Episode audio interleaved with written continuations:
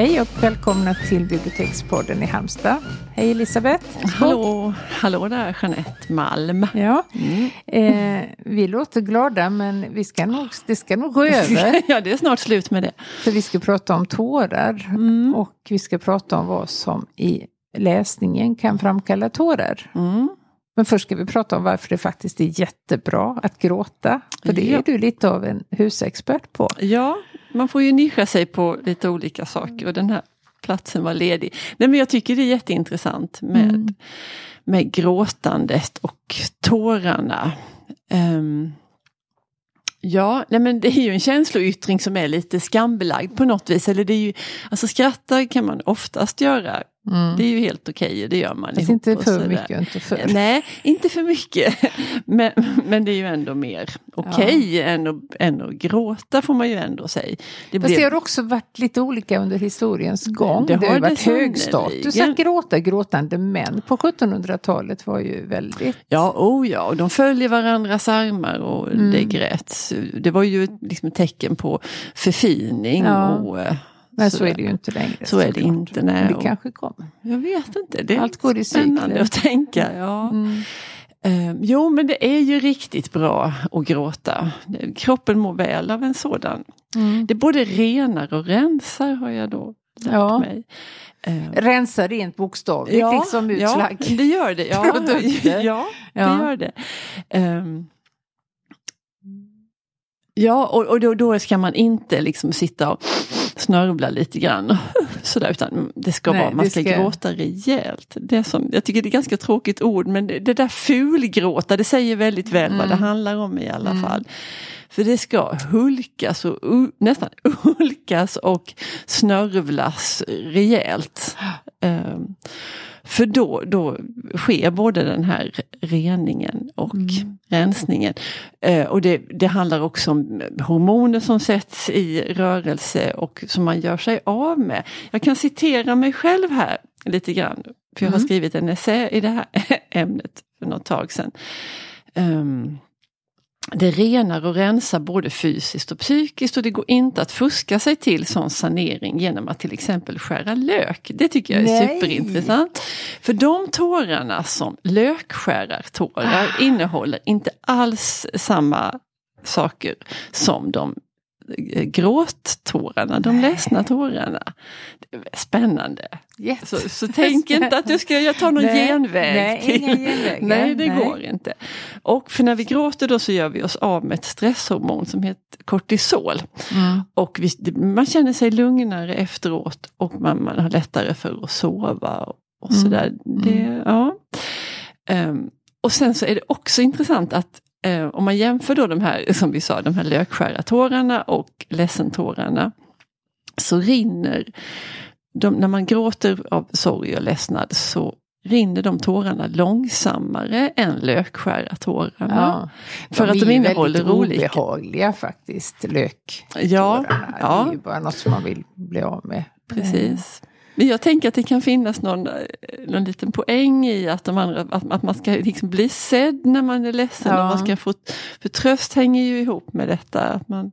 Tänk på de här eh, bespottade tavlorna med gråtande barn. ja. Där det är ju tårar, alltså mm. liter mm. stora, som ja. trillar ner för de här runda barnakinderna. Precis, du, de var jättepoppis. Jag ja, kollade upp dem också. Du vad? De har blivit kult så nu är du riktigt klart. liksom cool och så ska du inreda med gråtande barn. Mm. Men då är det ju väldigt, väldigt viktigt att du vet att det egentligen är urdålig ja. konst. Du får liksom inte tycka att det är fint Nej. att sätta in det. Ja.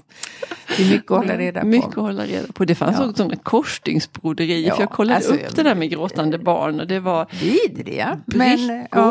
och...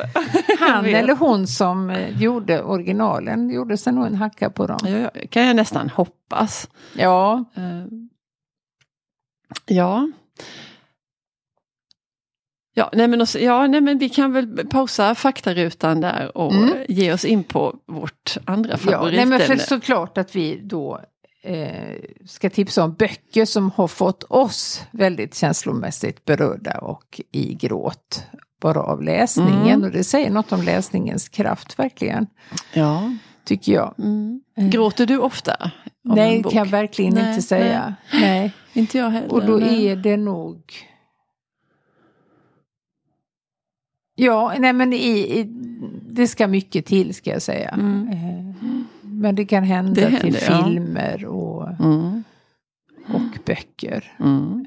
Men det är väldigt viktigt för mig att inte den här eh, författaren eller filmmakaren liksom vill få mm. mig att bli berörd. Nej. Alltså man använder knep. Mm. För Nej, sånt får jag inte på. Om. Nej. Nej det, det eh, Utan då kan jag bli helt iskall Kall. istället. Tänka, ja. nej du gubbelille, den går jag inte på. Mm. Utan det måste verkligen drabba mig. Mm. Eh, och det gör ju de där böckerna tycker jag som är så det är låg, lågmäld sorg eller lågmäld, eller det kan vara ganska starka känslor men mm. det är ju också hur man berättar det. Det får inte vara det får inte finnas alla de här ingredienserna, att man har kokat ihop nej, nej, att man vill uppnå, alltså att det är liksom ett syfte på något sätt. Att man ska, nej. Utan det ska komma som en bieffekt mm. av mm. historien i sig. Ja.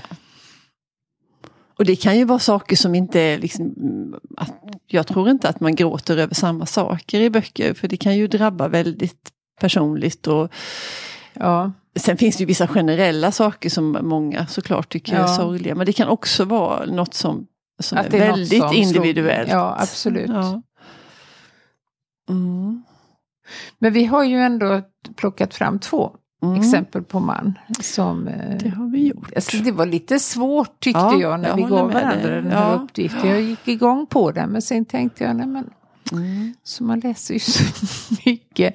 Men mitt första val var väldigt, väldigt självklart. Ja. För det brukar jag säga. Och jag vill så gärna att alla ska läsa den här, mm. för den mm. är så himmelens bra. Mm. Den skrevs redan 1932 av den tyske författaren Hans Fallada. Mm. Vi har pratat lite om Fallada ja. innan för att jag hade ett skov där jag läste ja, allting. Det var mycket Fallada. Det var, sammanföll mm. också med att de kom i ny översättning mm. och det var då jag fick upp ögonen. De är väldigt snyggt formgivna. Väldigt snyggt. Jag tror det var mm. Norstedts. Illa Norstedts. Och kan du inte berätta det där roliga med hur man ska uttala hans namn? Jo, det var också en, det finns de då som säger Fallada. Nej, det, det tyck, tyck, skulle han inte tyckt om. Det tyckte inte han om, för det tyckte han det lät som någon som snubblade ner för en trappa trappa. Mm. Medan Fallada, det lät som en trumpetstöt. ja, det är klart. Och får man välja mellan en som ramlar i en trappa och en som låter som en trumpetstöt mm. så vet ju jag vad jag ska välja. ja. Och det är en pseudonym ska vi säga mm. också. Han heter något helt klanglöst som jag inte kommer ihåg Nej. nu. Eh, mycket konsonanter. Okej, okay. han visste vikten av ett Ja. Klatschigt namn. Precis. Mm, men du, vad är det som är så sorgligt? Eh, den kom ut på tyska 1932. Det är alltså mellankrigstiden. alldeles innan mm. Hitler kommer till makten. Och det är ju, Tyskland är ju helt förintat efter första världskriget. Mm. Eh, inflationen är ju eh, alltså bortom mm. sans och förnuft. Mm. Arbetslösheten är skyhög. Och den här handlar då om eh, Pinneberg, Johannes Pinneberg mm. eh, och han sliter och släpar och han har något enklare tjänstemannajobb. Eh, men han kan ju knappt försörja sig på detta för det är ingen som kan det. Eh, men så går hans älskade Lemschen, hans mm, flickvän, mm. Mm. och blir gravid. Och det blir ju katastrof för att han kan inte försörja sig själv och än mindre då henne och barnet. Och barn. Men han försöker och det är det de gör hela livet, eller hela boken igenom, att de strävar och de kämpar men vad de än, ingenting som de gör hjälper för det ligger, ligger inte i deras händer. Nej. Och han kan bli av med jobbet, alltså arbetsgivaren kan ställa sådana helt orimliga krav för det mm. står tusen andra som väntar på mm. hans så han får jobba liksom mer och mer till lägre och lägre lön. Oh. Man kan aldrig opponera sig, man kan aldrig hävda Nej. sina rättigheter. Och han beskriver detta så oerhört väl. Och det är liksom en sån nedåtgående spiral i hela boken. Man mm. vet att det här kommer inte att sluta väl. Men det är också så himla vackert för att liksom kärleken mellan de här två mm. och till barnet fast ju barnet verkligen är en börda. Så mm. det kommer sådana små ljusglimtar i den här ja, för Jag undrade just det, om det fanns något. Ja det gör det ja. och det är liksom så absurt egentligen. Mm. Eh, och man förstår tyvärr hur Hitler faktiskt kunde få den makten han fick. För han kom ju och lovade massa saker och genomförde massa saker. Situationen var ju fullkomligt hopplös. Och jag minns särskilt en scen, det är ganska många år sedan jag läste den här. Särskilt en scen som nästan liksom grep mig allra djupast. Och det var när han bara kände att det hjälper ju inte vad jag gör. Eh, men han ville ha någonting vackert, han ville ge sin kära Lemscher ja. någonting fint. Så han går och köper en byrå. Oj. Fast de har, ing, de har inte pengar till mat. Nej. Och det är det här irrationella ja. som man ja. kan göra mm. för att få känna människovärde. Mm. Och han beskriver när han hämtar den här byrån och hur hon, hennes liksom reaktion, han kommer hem med en byrå där de inte ens har mat eller blöjor eller någonting. Oh. Eh. Nej men alltså, ja, den, men... läs den säger mm. för att till skillnad mot de flesta av hans, Ensam i Berlin är ju en jättetjock mm. tegelsten, så är faktiskt inte Pinneberg sådär jätteomfångsrik. Mm. Och den, ja. Mm. Fantastisk bok. Mm. Jag måste fråga, blir hon glad för byrån eller tycker hon att vad har du gjort din galning? Jag kommer inte exakt ihåg men Nej. såklart som de flesta andra hade reagerat mm. över den så, så ifrågasatte hon ju såklart mm, att mm. man kan inte äta en byrå, Nej. för de svälter verkligen. Det, det är så, så. Och hans tunnslitna kläder, liksom, kylan går genom märg och ben och han... Men man också förstår ju såklart hans handlande och mm. författaren gestaltar ju det här på ett helt fantastiskt sätt. Oh. Ja, du, den blev väl både teater och filmad? För, för den Jajamän. är ju ett sånt där Pinneberg. Den slog ju, alltså den sålde ju i enorma mm, upplagor. Mm, mm. Både i Tyskland och i mm. Sverige och överallt mm. annars. Så den gavs ut. Mm. Jag tycker det är fint, man kan... Alltså jag läser ju aldrig fackböcker om historiska händelser. För det, ingenting kan intressera mig mindre. Men när jag får det i romanform så förstår man ju. Mm. Alltihopa ja. utan att veta någonting om strategier eller slag eller belägringar. Ingenting av det. Men ut till den här lilla mm. vanliga människan, hur den eh, berörs av de här politiska händelserna. Och det är fint. Mm. Mm. Jo, nej, men jag inser ju att jag får läsa den. Mm. Verkligen. Mm. Men du, jag hade samma upplevelse som du av när vi pratade om det här ämnet tidigare så visste jag omedelbart, den, för, den första boken jag ville prata om det var en sån där självklar och det är, en, det är faktiskt Åsa Lindeborgs bok eh, Mig äger ingen. Mm. Jag kan precis se hur vi hade möblerat hemma och hur, när jag läste den mm. om kvällarna. Eh, att den grep mig något så oerhört och jag var tvungen att ha, jag kunde liksom inte ha den, jag läste den varje kväll och sen var jag tvungen att ha en annan bok för sidan om för att liksom st för att dämpa stilla effekten. mig med. Ja, ehm. jag förstår, för jag får faktiskt lite gåshud bara du ja, säger detta. Ja. Um. Jag kan precis se det där och min man undrade, men vad är det, ska du verkligen hålla på med den där boken? är det bra för dig? ja. Uh, men Ja, och det, det, är ju någon, alltså den handlar ju, det är ju en biografi som hon har skrivit som handlar om, eh, om hennes pappa. Mm. Eh, och denna väldigt speciella person som hon beskriver så otroligt kärleksfullt och ömsint och ändå väldigt naket. Ja, och, eh, klart. Ja, eh, för det var ju en komplicerad person. Mm. Som Föräldrarna skilde sig när hon var ganska liten och, mm. och hon bodde mesta tiden hos pappan. Sen var hon ibland på helgerna hos mamma. Ja, väldigt lite egentligen. Ja. Jag tror inte hon var mer än fyra heller. Nej. Hon var ju väldigt, väldigt liten. De, ja. Eh, men just den här skildringen av, av pappan som var, hade alkoholproblem. Mm. Uh, han var väldigt liksom, tydlig arbetarklass och väldigt liksom, intresserad av arbetarfrågor. Han, han var engagerad i facket, han var kommunist. Ja. ja och väldigt, ja, med stort engagemang för de mm. frågorna. Uh, och, och vilken misär mm. de levde i där hemma. Han var mycket ja. intresserad av att det skulle se fint ut ut mot gården. Han hade gardinuppsättningar som hette duga. Och... Det skulle se ut som den sista luckan i en adventskalender om någon tittade. Tittade nerifrån gården. Där bor minsann härdarmästare Andersson och mm. hans dotter. Precis, och det skulle se väldigt fint ut. Mm. Men bakom de där gardinerna så hade hon ju inga riktiga sängkläder och det Nej. var väldigt tidigt maten. Nej. Nej, men det är ju absolut ingen, det är det här som är så när det är komplext så gillar man ju ja, ofta det. Exakt. För det är ju ingen eländesskildring och det är inte titta vad dum pappa var och som jag led. Och, det är ju absolut, det är så långt bort från mm. det. För hon lyckas ju samtidigt förmedla den här oerhörda liksom, kärleken mellan dem mm. och också ett stort mått av deras hjälplöshet på olika mm. Uh, och så dubbelt kommer jag ihåg, för dels var han ju den här glödande kommunisten. Mm.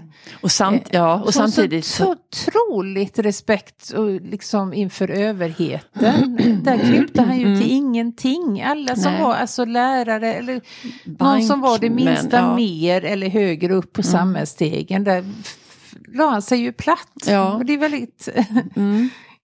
Precis, är, samtidigt som han var väldigt stolt över sin, ja. sin titel och sitt arbete. Ja. Och samtidigt så kommer jag ihåg också när, när hon liksom upptäcker att han är ju, det här med kommunismen, att, att det, var, det var ju ganska Liksom, det satt ju ganska löst för han var ju inte så påläst som han ville ge sken av och kunde Nej. ju inte alla de här Nej. teorierna och de Nej. här liksom manifestet och hur, hur de här grundkunskapen nej, till. Nej. Det hade han ju inte någon riktig susning nej. om. Men, och, och, det blir också så. Men det var hans identitet. Precis, ja. och den var väldigt stark. Mm. Uh, men just hur hon kan skildra det här, det här liksom så fruktansvärt sorgligt och ändå den här kärleken mellan dem och till honom. Mm. Och, uh, det var fantastiskt skildrat. Ja, och till slut då när hon insåg att det här går ju inte eh, och han inte blir inbjuden, för hon disputerar ju. Mm. Eh, och jag menar, bara att tänka sig något sånt i historia. Hon mm. gör det väl på arbetarrörelsens, alltså någonting om socialdemokrati tror jag hennes avhandling ja, handlar om. Det kommer jag inte ihåg. Och att det skulle vara en sån triumf men hon mm. inser då att det här Nej han kan inte få vara med och förstöra det här för nej, mig. Nej. Det var nästan det sorgligaste, var det inte det? Jo, jo men, men också, jo, eh, det var flera Man förstår saker. henne, Man förstår absolut, henne verkligen. Och, och också vilken, att komma fram till det och stå fast vid det. Ja. Liksom, att hon ändå kan ha så mycket liksom, självrespekt och, och mm. värna så mycket om sig mm. själv. Mm. Eh, det här fina med att och självbevarelsedriften ja, tänker jag. Där, ja, är... och respekten för sig själv. Mm.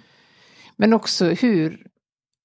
För, för henne var ju barndomen normal, för det är den ju. Ja, det man upplever ja, det är ju normalt. Men då tycker jag också att hur man förstår hur de har det kontra alla andra, mm. det gör hon väldigt snyggt. Hon mm. bjuder hem en klasskompis. Eh, och den här mm. kompisen ska gå och tvätta händerna och mm. upptäcker att det fanns ingen handduk på nej, toaletten. Nej. Och då sträcker hon fram tröjan som hon har på sig mm, och säger, mm. torka det på min tröja. Mm. Och så blicken som hon får då av. Ja. Det är väldigt, det kommer jag ihåg mm, glasklart. Mm. Eh, när hon förstår att så här gör man inte. Nej. Ja, nej men precis så att det öppnar sig sådana liksom, mm. såna falluckor i, i, i sådana liksom banala saker. Ja, och, precis. Uh, ja, Sen undrar man ju också över mammans roll i detta. Mm. Att mm. hon, hon visste att han var alkoholist, men han, hon kunde inte ta dottern också för då hade nej, han förlorat nej, allt. Men det är väl det som hon, hon eh, det är väl det som är mammans argument. Ja, hon, men det är ju också, då mm. tänker hon ju mer på mannen än på på dottern. På barnet, hon måste ja. ju någonstans ha förstått att han inte är förmögen att ta hand om ett barn. Nej, det måste hon ha förstått. Mm. Och det blir också de här skillnaderna när hon hälsar på. Eh, hon är ganska ofta hos mormor och morfar och hälsar på ja. dem. Är det inte några söndagsmiddagar där som hon ändå bevistar? Och att det, det är ju som verkligen skilda världar. Ja. Och där är det designmöbler och det är välartikulerat. Och, och sen cyklar hon hem till sin mm. säng utan sängkläder. Och mm. Bakom gardinerna. Ja, ja en, en väldigt um, känsloladdad läsning. Mm. Mm. Ja. Svårt att ladda om. Ja, jag vet. Men min nästa bok då, min näst sorgligaste bok. Den är då skriven, inga ny, ny, nykomlingar jag kommer med här. Den är skriven 1914. ja. Och det är Selma Lagerlöfs Kejsaren av Portugalien. Mm. Mm. Och då tänker jag om någon gång någon skulle komma och fråga, ge mig något sorgligt, så måste mm. ju den vara ett ganska ah. givet val. Eh, mm. något sorgligt, jag, jag vet inte. Liten tunn bok, mm. men så mycket innehåll i den. Eh, och den handlar ju om Jan i skrolycka och hans bo på något vindpinat ställe i ett torp där det liksom blåser genom väggarna och mm. dörren mm. med sin fru som har väldigt liten plats i romanen. Mm. Jag kommer inte ens ihåg vad hon heter. Eh, det är också hon... far och dotter, precis som i Åsa ja, Linderborgs bok. Och det är inte mm. så jättevanligt. Nej. Eh, Nej, det är det inte. I alla fall inte om den här faderskärleken tycker inte jag att man men det, det gestaltar ju Selma Lagerlöf på ett helt fantastiskt mm. sätt. Hur han känner första gången han får mm. Klara fina Gulleborg heter barnet. ja. Det var det finaste de kunde hitta på. Mm. När han får henne i sina armar och vad som händer då. Och hans hjärta och det sväller och han förstår först inte, men vad är det här? Vad är det, med, vad är det som händer? och förstod att det, att det var liksom mm. ren kärlek som liksom strömmade genom hela kroppen. Och det är ett fantastiskt mm. Eh, ögonblick tycker mm. jag. Eh, och hela hennes barndom då, Klara Fina, allting ska ju gå ut på liksom att omhulda henne och göra hennes liv enklare. Han river sönder sin linneskjorta för att sy någonting till henne. Eh, ja.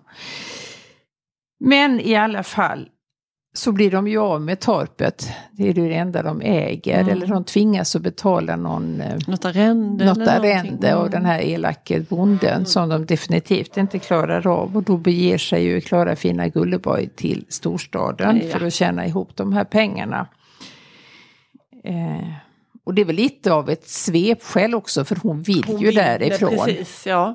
det är ju inte så att hon ser sin framtid där. Hon är ju otroligt vacker också. Mm. Nej, men hon vill ju något annat. Hon vill något annat. Ja. Men det går ju såklart väldigt illa för henne i ja. Stockholm. Mm. Och hon tvingas, eller hon går in i prostitution helt mm. enkelt. Mm. Och det vet ju alla där. Alla vet alla det. Vet det. Utom eh, en som vägrar Jan. förstå det. Ja. Men när han till slut tvingas förstå det så går han ju in i galenskap. Mm. Och mm. Eh, kallar sig då kejsarinnans fader, för hon Klara Fina är ju kejsarinna mm. och han är kejsaren av Portugalien.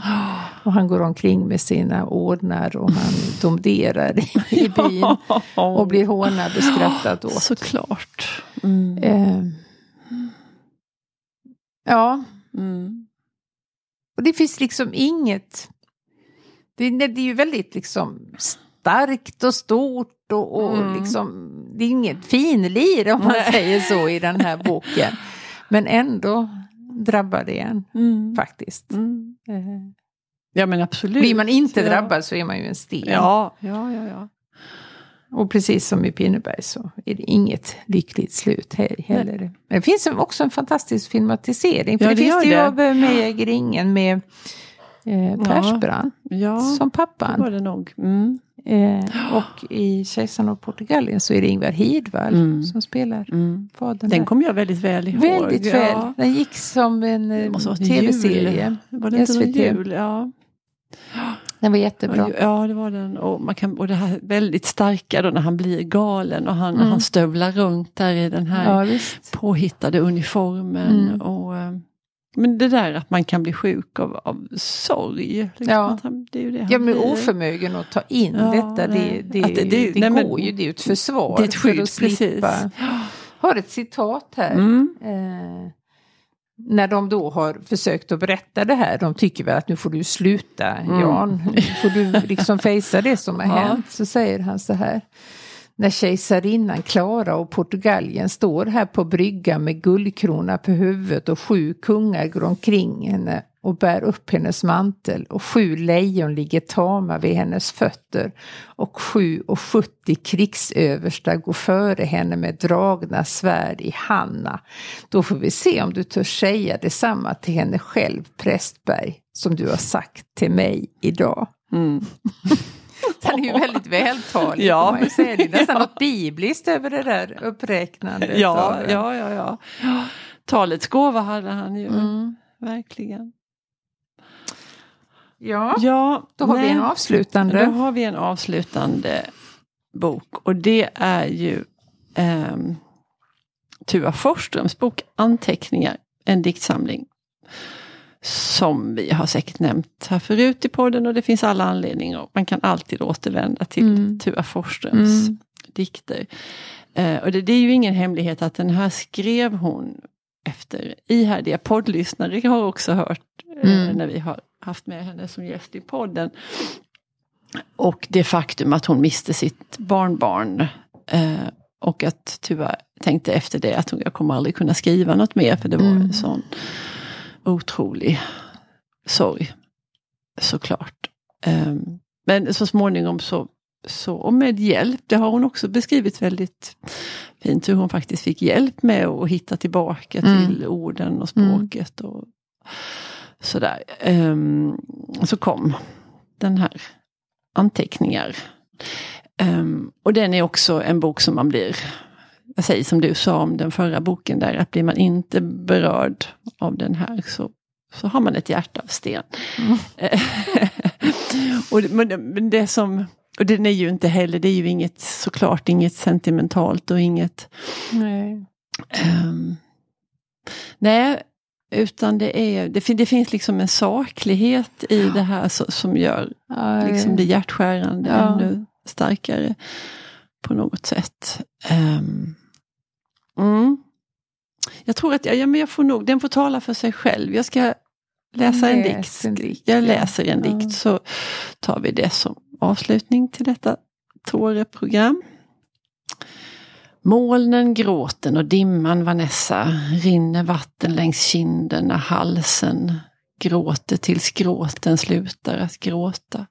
Mycket vatten och fiskarna simmar. Mycket drömmar och fiskarna simmar. Fiskarnas mamma och pappa är borta. Vatten och molnen och inget land. Fiskarna leker med andra fiskar. Fiskarna vill vara glada och simma. Sjön är bara en liten sjö. Fiskarna fryser när vattnet fryser. Blåser på vattnet och fiskarna simmar. Fiskarna simmar och vattnet blåser.